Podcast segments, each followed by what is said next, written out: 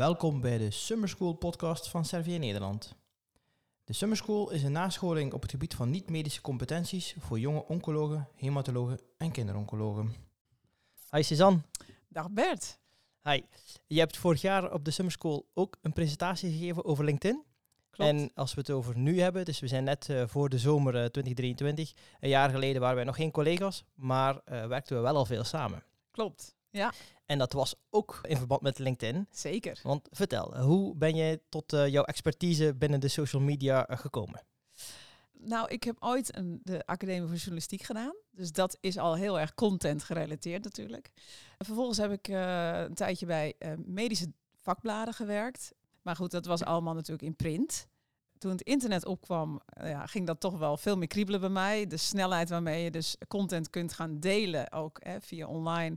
Ja, dat, dat- daar werd ik toch wel heel erg enthousiast van. En eh, met de opkomst van LinkedIn was dat natuurlijk helemaal, ja, ging dat los eigenlijk. Hè? En eh, ja, in- LinkedIn intrigeerde mij daarin ook enorm.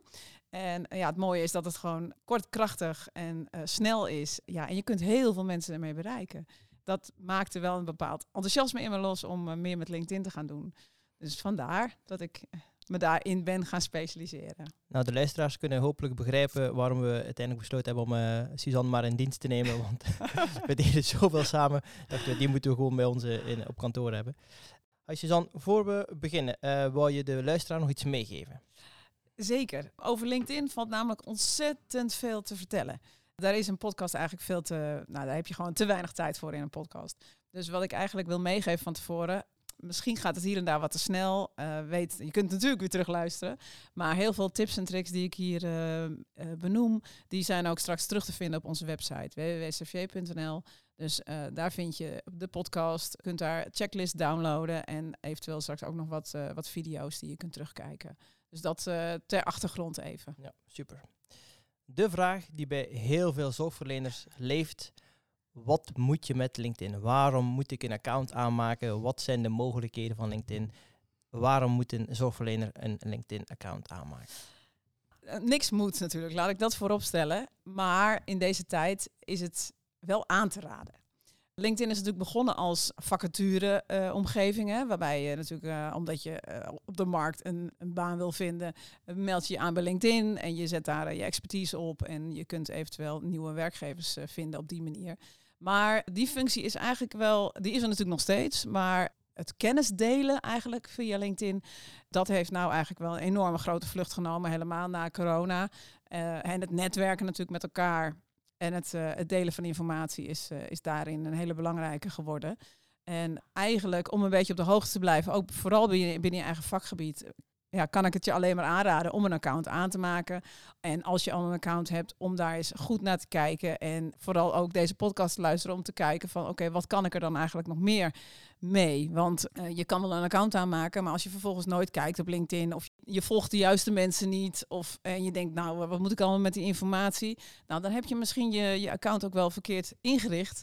En nou ja, dan, dan zou ik adviseren om neem even de tijd, ga eens rustig kijken en ga kijken welke andere zorginstellingen, vakbladen of collega's eh, interessant zijn om om te volgen, waardoor je echt ook zelf echt goede informatie weghaalt uit, van LinkedIn. Want denk ook aan eh, webinars, congressen, e-learnings, nou ja, van alles en nog wat is, komt er natuurlijk voorbij in je vakgebied. En dat kan natuurlijk heel interessant zijn voor een zorgprofessional.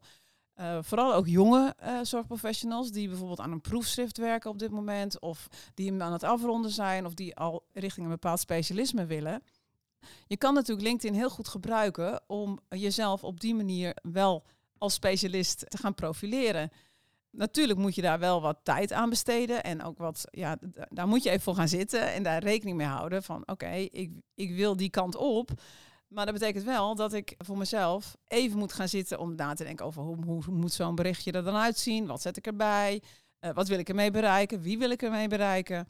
En daar zie ik wel veel drempelgevoel in, zeg maar, bij, eh, bij professionals of überhaupt bij mensen. Van joh, weet je, ik wil wat met LinkedIn, maar hoe schrijf ik dan zo'n bericht en waar begin ik dan? Ik denk, ho ho, we zijn al aan het bericht schrijven. Ehm, je had het daar net, daar net over, eh, het is van belang om een goed profiel eh, op te stellen. Nou ja, je kan beginnen als, als, nieuwe, als nieuw lid, hè, vanaf scratch. Hoe begin je daar dan aan? Maar de meeste artsen op dit moment hebben al een LinkedIn profiel. Nou, waar moeten ze op letten en waar, moet een, waar voldoet een goed profiel aan? Dit lijstje kun je straks dus inderdaad ook terugvinden op, uh, op de website. Maar begin in elk geval bij de instellingen. Dus bij je privacy instellingen. En zet daar een vinkje uit bij dat de aanpassingen die je doet op je profiel worden gedeeld op je tijdlijn. Want het kan zijn dat als jij een aanpassing doet in je profiel, dat dat dan automatisch gedeeld wordt op je tijdlijn. En dat, dat wil je natuurlijk niet. Want je bent gewoon je account aan het aanpassen, je profiel aan het aanpassen. Dus dat is een belangrijke, dat je dat eerst even doet. Sowieso is het een goed idee om langs al je instellingen te lopen, hè, je privacy instellingen. Kijk even, want het zijn er volgens mij wel nou, misschien wel honderd of zo, die je kunt in, uh, aan, of uitzetten. Dus loop die gewoon rustig eens langs en kijk even wat, uh, wat je zelf wil. Uh, verder is het natuurlijk belangrijk dat je een duidelijke profielfoto hebt. Dat het geen vakantiekiekje is of zo, maar dat dat gewoon een professionele foto is. Precies. En dan is er ook nog een mogelijkheid tot een achtergrondafbeelding. nou ja, moet je zelf ook maar even kijken wat, wat eventueel gepast is. Uh, wat doen collega's? Kijk even, laat je inspireren door anderen. Misschien een foto van het ziekenhuis waar je werkt? Bijvoorbeeld, dat kan. Ja, ja zeker. Of uh, eentje uit het therapiegebied waar je, waar je gespecialiseerd in bent. eigenlijk is een, zo je profiel van LinkedIn, zie dat ook een beetje als een kleine mini-website van jezelf. Maar daar komen we straks nog op. Want denk ook even na over de kopregel. De kopregel is de regel die eigenlijk direct onder je naam staat, waar mensen eigenlijk alleen maar de functie vaak zetten. Want uh, LinkedIn pakt automatisch voor die regel je functie die je hebt ingevuld. Maar die kun je eigenlijk handmatig aanpassen. Dus heb je bijvoorbeeld een bepaald specialisme, is dat wel aardig om dat natuurlijk wel toe te voegen aan je functie.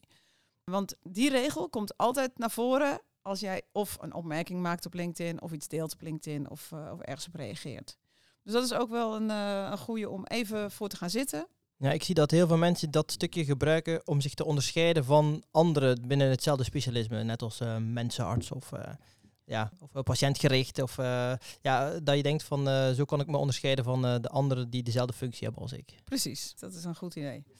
Nou, je contactgegevens kun je natuurlijk naar wens invullen.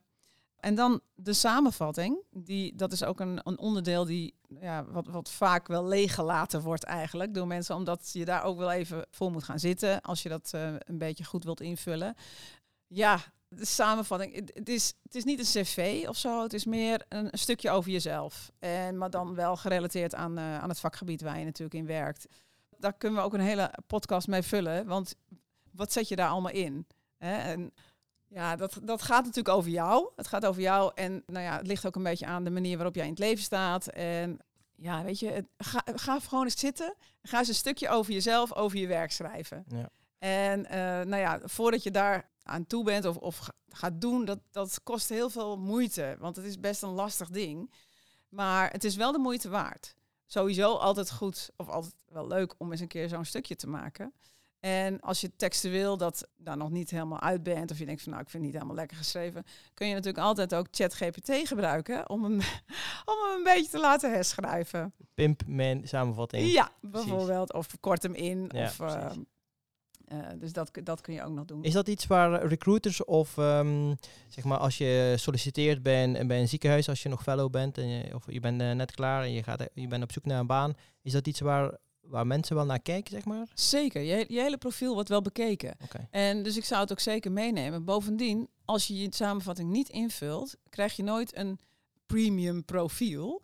En als je van plan bent om uh, toch iets aan berichten te gaan delen en wat aan je zichtbaarheid te doen, dan uh, helpt dat ook voor de verspreiding van je berichten. Dus hoe uh, beperkter jij je profiel hebt ingevuld, hoe minder je bereik is uiteindelijk van je berichten. Dus, dus zorg dat je profiel helemaal is ingevuld. Dus de hoeveelheid data die ingevuld zijn op je profiel hebben uiteindelijk ook een invloed op het algoritme in wat je bereik van je berichten zijn. Precies. Zo.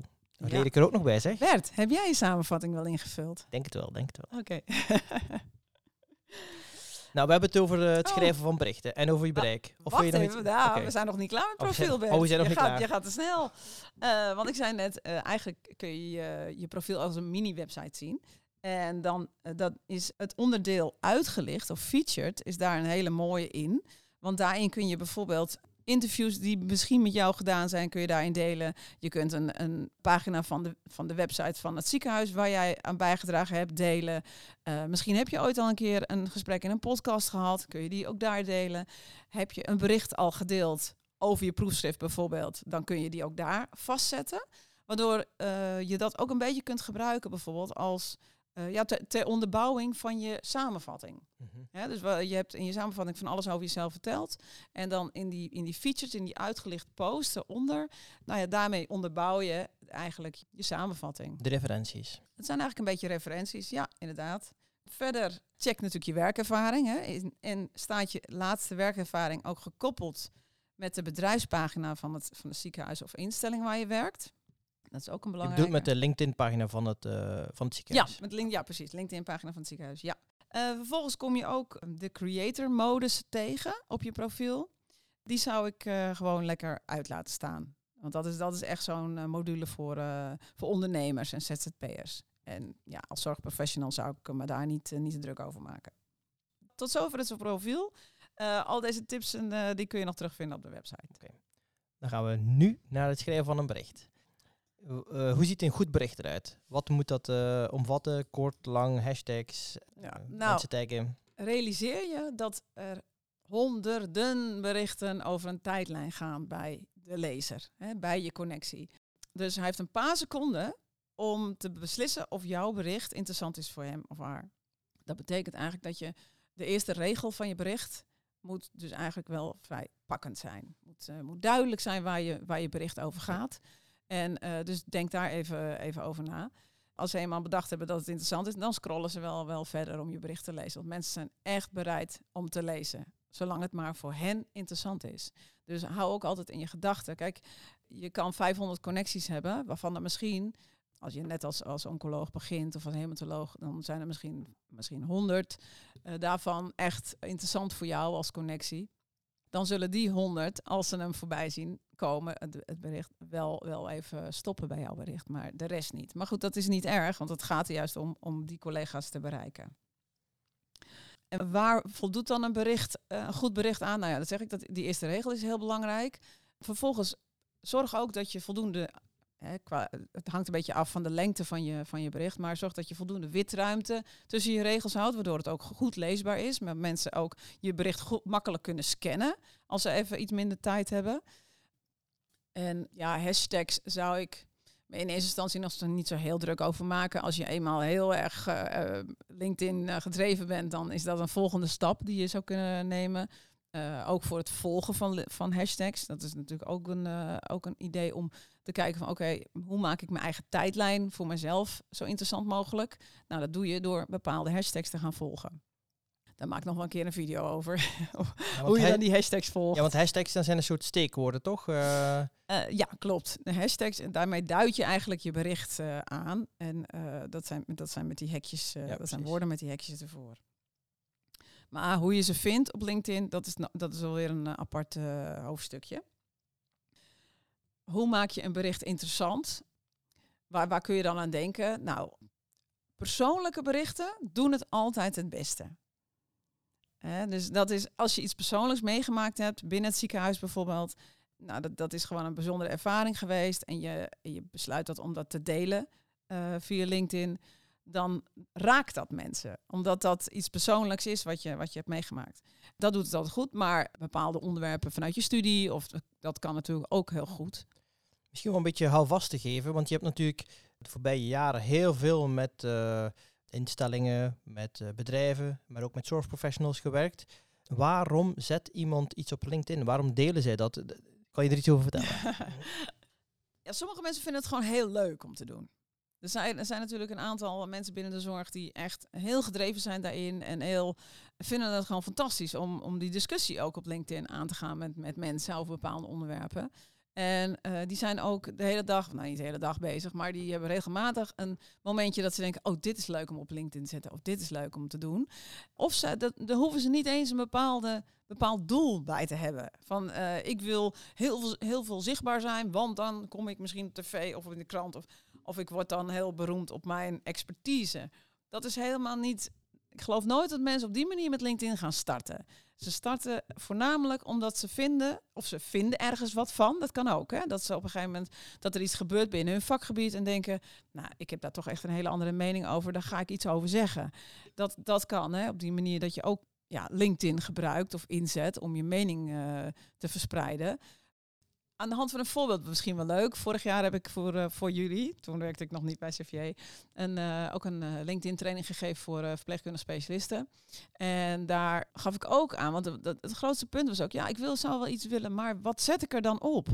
En toen heb ik ook aangegeven, joh, weet je, eigenlijk is je, is je ziekenhuis een soort van theatervoorstelling.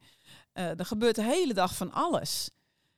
Dus denk, denk daar gewoon eens aan. Hè? Als er iets, iets uh, uh, voorvalt op het, in het ziekenhuis, dat je denkt van god, dit is eigenlijk heel erg leuk om, uh, om te delen. En zo zie ik ook een aantal van die verpleegkundigen nu ontzettend goed en leuk op LinkedIn acteren. Met, met alle, allerlei dingen die ze meemaken daar. En dat ja, is zo leuk, zo mooi om te zien. Dat als je dat eenmaal hebt gedaan en je ziet dat mensen dat leuk vinden en interessant. En het helpt ook anderen in hun werk. Omdat jij bepaalde ervaringen deelt. Want dat is het natuurlijk ook, hè? Dat als jij iets deelt wat je, wat je hebt meegemaakt binnen je, binnen je werk, dat anderen dat, uh, dat zien en oppikken. En dat zie je ook in de reacties van mensen daaronder. Dat ze heel blij zijn dat ze het deelt, want dan kunnen zij er ook iets mee. Precies, als je je eigen ervaringen deelt, dan uh, zorg je ook bij iemand anders misschien dat is herkenbaar. Ik, het kan over goede dingen zijn en slechte dingen. Dingen die goed gaan op de afdeling, dingen die misgegaan zijn. Uh, dat iedereen daarvan kan leren en zich kan in herkennen. Ja, ja. Wat ik zelf ook merk is dat er best wel veel echte wetenschappelijke informatie gedeeld wordt. Dus als je het hebt over uh, waarom gaat iemand een, een LinkedIn bericht schrijven, dan is het vaak inderdaad resultaten van een studie of onderzoek waar men um, aan, uh, aan gewerkt heeft. Of misschien waar men uh, patiënten voor zoekt. Hè? Dus een oproep om patiënten door te verwijzen bijvoorbeeld voor een bepaalde studie. Ja, absoluut. Het is ook niet zo dat je, want dat zie ik ook vaak, vooral vanuit bedrijven zie ik dat heel vaak gebeuren, dat uh, mensen pas wat gaan posten als het klaar is. Maar denk ook aan het hele proces. Als jij met een proefschrift bezig bent over een bepaald onderwerp, neem mensen mee in dat proces. Wat je aan het doen bent of wat je tegenkomt. Of, weet je, dus het hoeft niet iets te zijn van, nou, ik heb mijn, uh, uh, mijn oratie gedaan en dit is mijn proefschrift en het gaat hier en hier over. Maar vertel, ga ook vertellen waarom je aan dit onderwerp gaat beginnen, bijvoorbeeld. Want wie weet wat voor, wat voor bijzondere reacties je krijgt. En misschien wel input ook voor je proefschrift zelfs. dat er mensen komen van, oh, maar ik heb dit uh, meegemaakt op dat gebied. Nou, misschien is dat wel een hele mooie, uh, mooie case om te gebruiken dan vervolgens. Dus ja, het is, het is ook een, uh, een beetje een mindset, denk ik, die je, die je moet gaan creëren voor jezelf. Waarbij je gewoon regelmatig even denkt van, oh, dit is interessant. Oh, ik kan het ook op LinkedIn vragen. Ik kan ook mijn connecties vragen wat zij hiervan vinden. Of, of met me mee te denken over bepaalde dingen je ziet natuurlijk heel veel berichten uh, voorbij komen. Sommigen uh, sterven een stille dood. Hè. De hebben, twee mensen hebben die gezien en dan verdwijnt dat uit je tijdlijn. En sommigen beginnen te leven. Die, leven, die leiden een eigen leven. Die zie je, die wordt opgepakt. Worden heel veel mensen vinden dat iets interessant, gaan erop reageren. Wat is het verschil tussen die twee berichten? De, de berichten die een stille dood sterven en degene die echt heel populair worden, die um, een soort hype gaan worden. Kan je dat verklaren? Uh, ja, zeker, zeker. Ja, dat heeft bijvoorbeeld eh, met verschillende dingen te maken. Uh, wat ik net al zei, persoonlijke berichten, die doen het vaak heel erg goed. Het is ook belangrijk dat je, als je een, een bericht post, binnen de, ja, binnen de eerste paar uur, daar kijkt LinkedIn naar, van hoe wordt er dan op jouw bericht gereageerd. Wordt daar goed op gereageerd, dan zet LinkedIn steeds verder die deur een beetje open naar de rest van je connecties. Dus uh, hoe beter jouw bericht wordt ontvangen door jouw connecties, hoe groter uiteindelijk je bereik ook zal zijn. Dus Maakt het moment waarop je iets plaatst dan ook uit? Ik kan me voorstellen dat midden in de nacht dan niet zo handig is. Nee, nee, nee. Dat is, dat is zeker niet zo handig, want dan zitten niet heel veel mensen op LinkedIn. Het is als je daarop zoekt op, uh, op uh, Google van wat is de beste tijd om te posten, dan zie je echt allerlei verschillende uh, meningen daarover. En dat verschilt ook weer per, uh, per jaar. Het ene jaar is het uh, verstandig om tussen 10 en 12 te posten. Het andere jaar is het vooral na de lunchpauze. Dus ja, weet je, het is ook. Kijk naar je eigen collega's. Wanneer werken ze vooral? Wanneer hebben ze tijd om op hun telefoon te kijken? Tijd om op, ja, precies, om op je telefoon te kijken. Of even een, een iPhone te openen of een telefoon te openen. Dus ja, het is, daar moet je een beetje mee spelen. Ik zou adviseren om daar niet te veel over na te denken. Het, is, het is namelijk al heel wat als je iets wil gaan posten. Ga, ga daar in elk geval in eerste instantie mee beginnen. En ja, dat, dat, die timing, dat komt wel. En je merkt vanzelf wel als jij een, iets over jezelf post of over iets wat in het ziekenhuis gebeurd is en dat wordt goed ontvangen, nou dan maakt het bijna niet uit wanneer je het post, want het, dan draait het heus nog wel even door. En is het ook helemaal prima om uh, niks te posten, maar gewoon te kijken wat er voorbij komt. En denken van als je, als je iets interessant vindt, dan wordt het ook verder gedeeld natuurlijk. Je kunt ook fungeren als doorgeefluik van interessante informatie. Absoluut, absoluut, tuurlijk. En dat is ook een, de andere reden om als zorgprofessional LinkedIn te gaan gebruiken. Niet alleen voor je eigen zichtbaarheid, als je dat leuk vindt en interessant vindt. Maar ook voornamelijk om je eigen kennis uh, op peil te houden. En bij te houden wat er allemaal gebeurt binnen jouw vakgebied. En uh, nou, dat, kun je dus op, op, op verschillende manieren doen. Door natuurlijk verschillende mensen binnen je vakgebied te gaan volgen verschillende instellingen, uh, ziekenhuizen te volgen, uh, medisch journalisten te volgen, vakbladen natuurlijk. En je kunt ook je eigen tijdlijn opschonen. Als, je, als jij te veel dingen ziet voorbij ziet komen waarvan je denkt, nou vind ik niet interessant. Dan zitten daar naast de naam, zit aan alle drie puntjes. Klik eens op die puntjes, dan klapt er een heel lijstje uit met mogelijkheden. En dan kan je gewoon aangeven, deze content wil ik liever niet zien. Nou, dan als je daarop klikt, dan kan je op die manier kan je, je, je, tijdlijn, hè, dus het, uh, je berichten uh, uh, scherm, kan je wat, wat opschonen en interessanter maken voor jezelf. Nou, iets waar ik ook nog um, met vragen bij stel, zijn er wet- en regelgevingen? Kun je zomaar alles posten of moet je je wel aan bepaalde wetgevingen houden? Als zorgprofessional, ik heb vorig jaar met Hans Westgeest voor de Summer School een LinkedIn workshop gegeven. En nou ja, mensen, als je op LinkedIn zit, ken je Hans Westgeest waarschijnlijk wel, omdat hij heel actief is. En dat is echt heel leuk om te zien. Die gaf ook aan dat hij best ook wel casussen van patiënten bijvoorbeeld deelt. En, maar dat altijd in overleg doet met de patiënt zelf.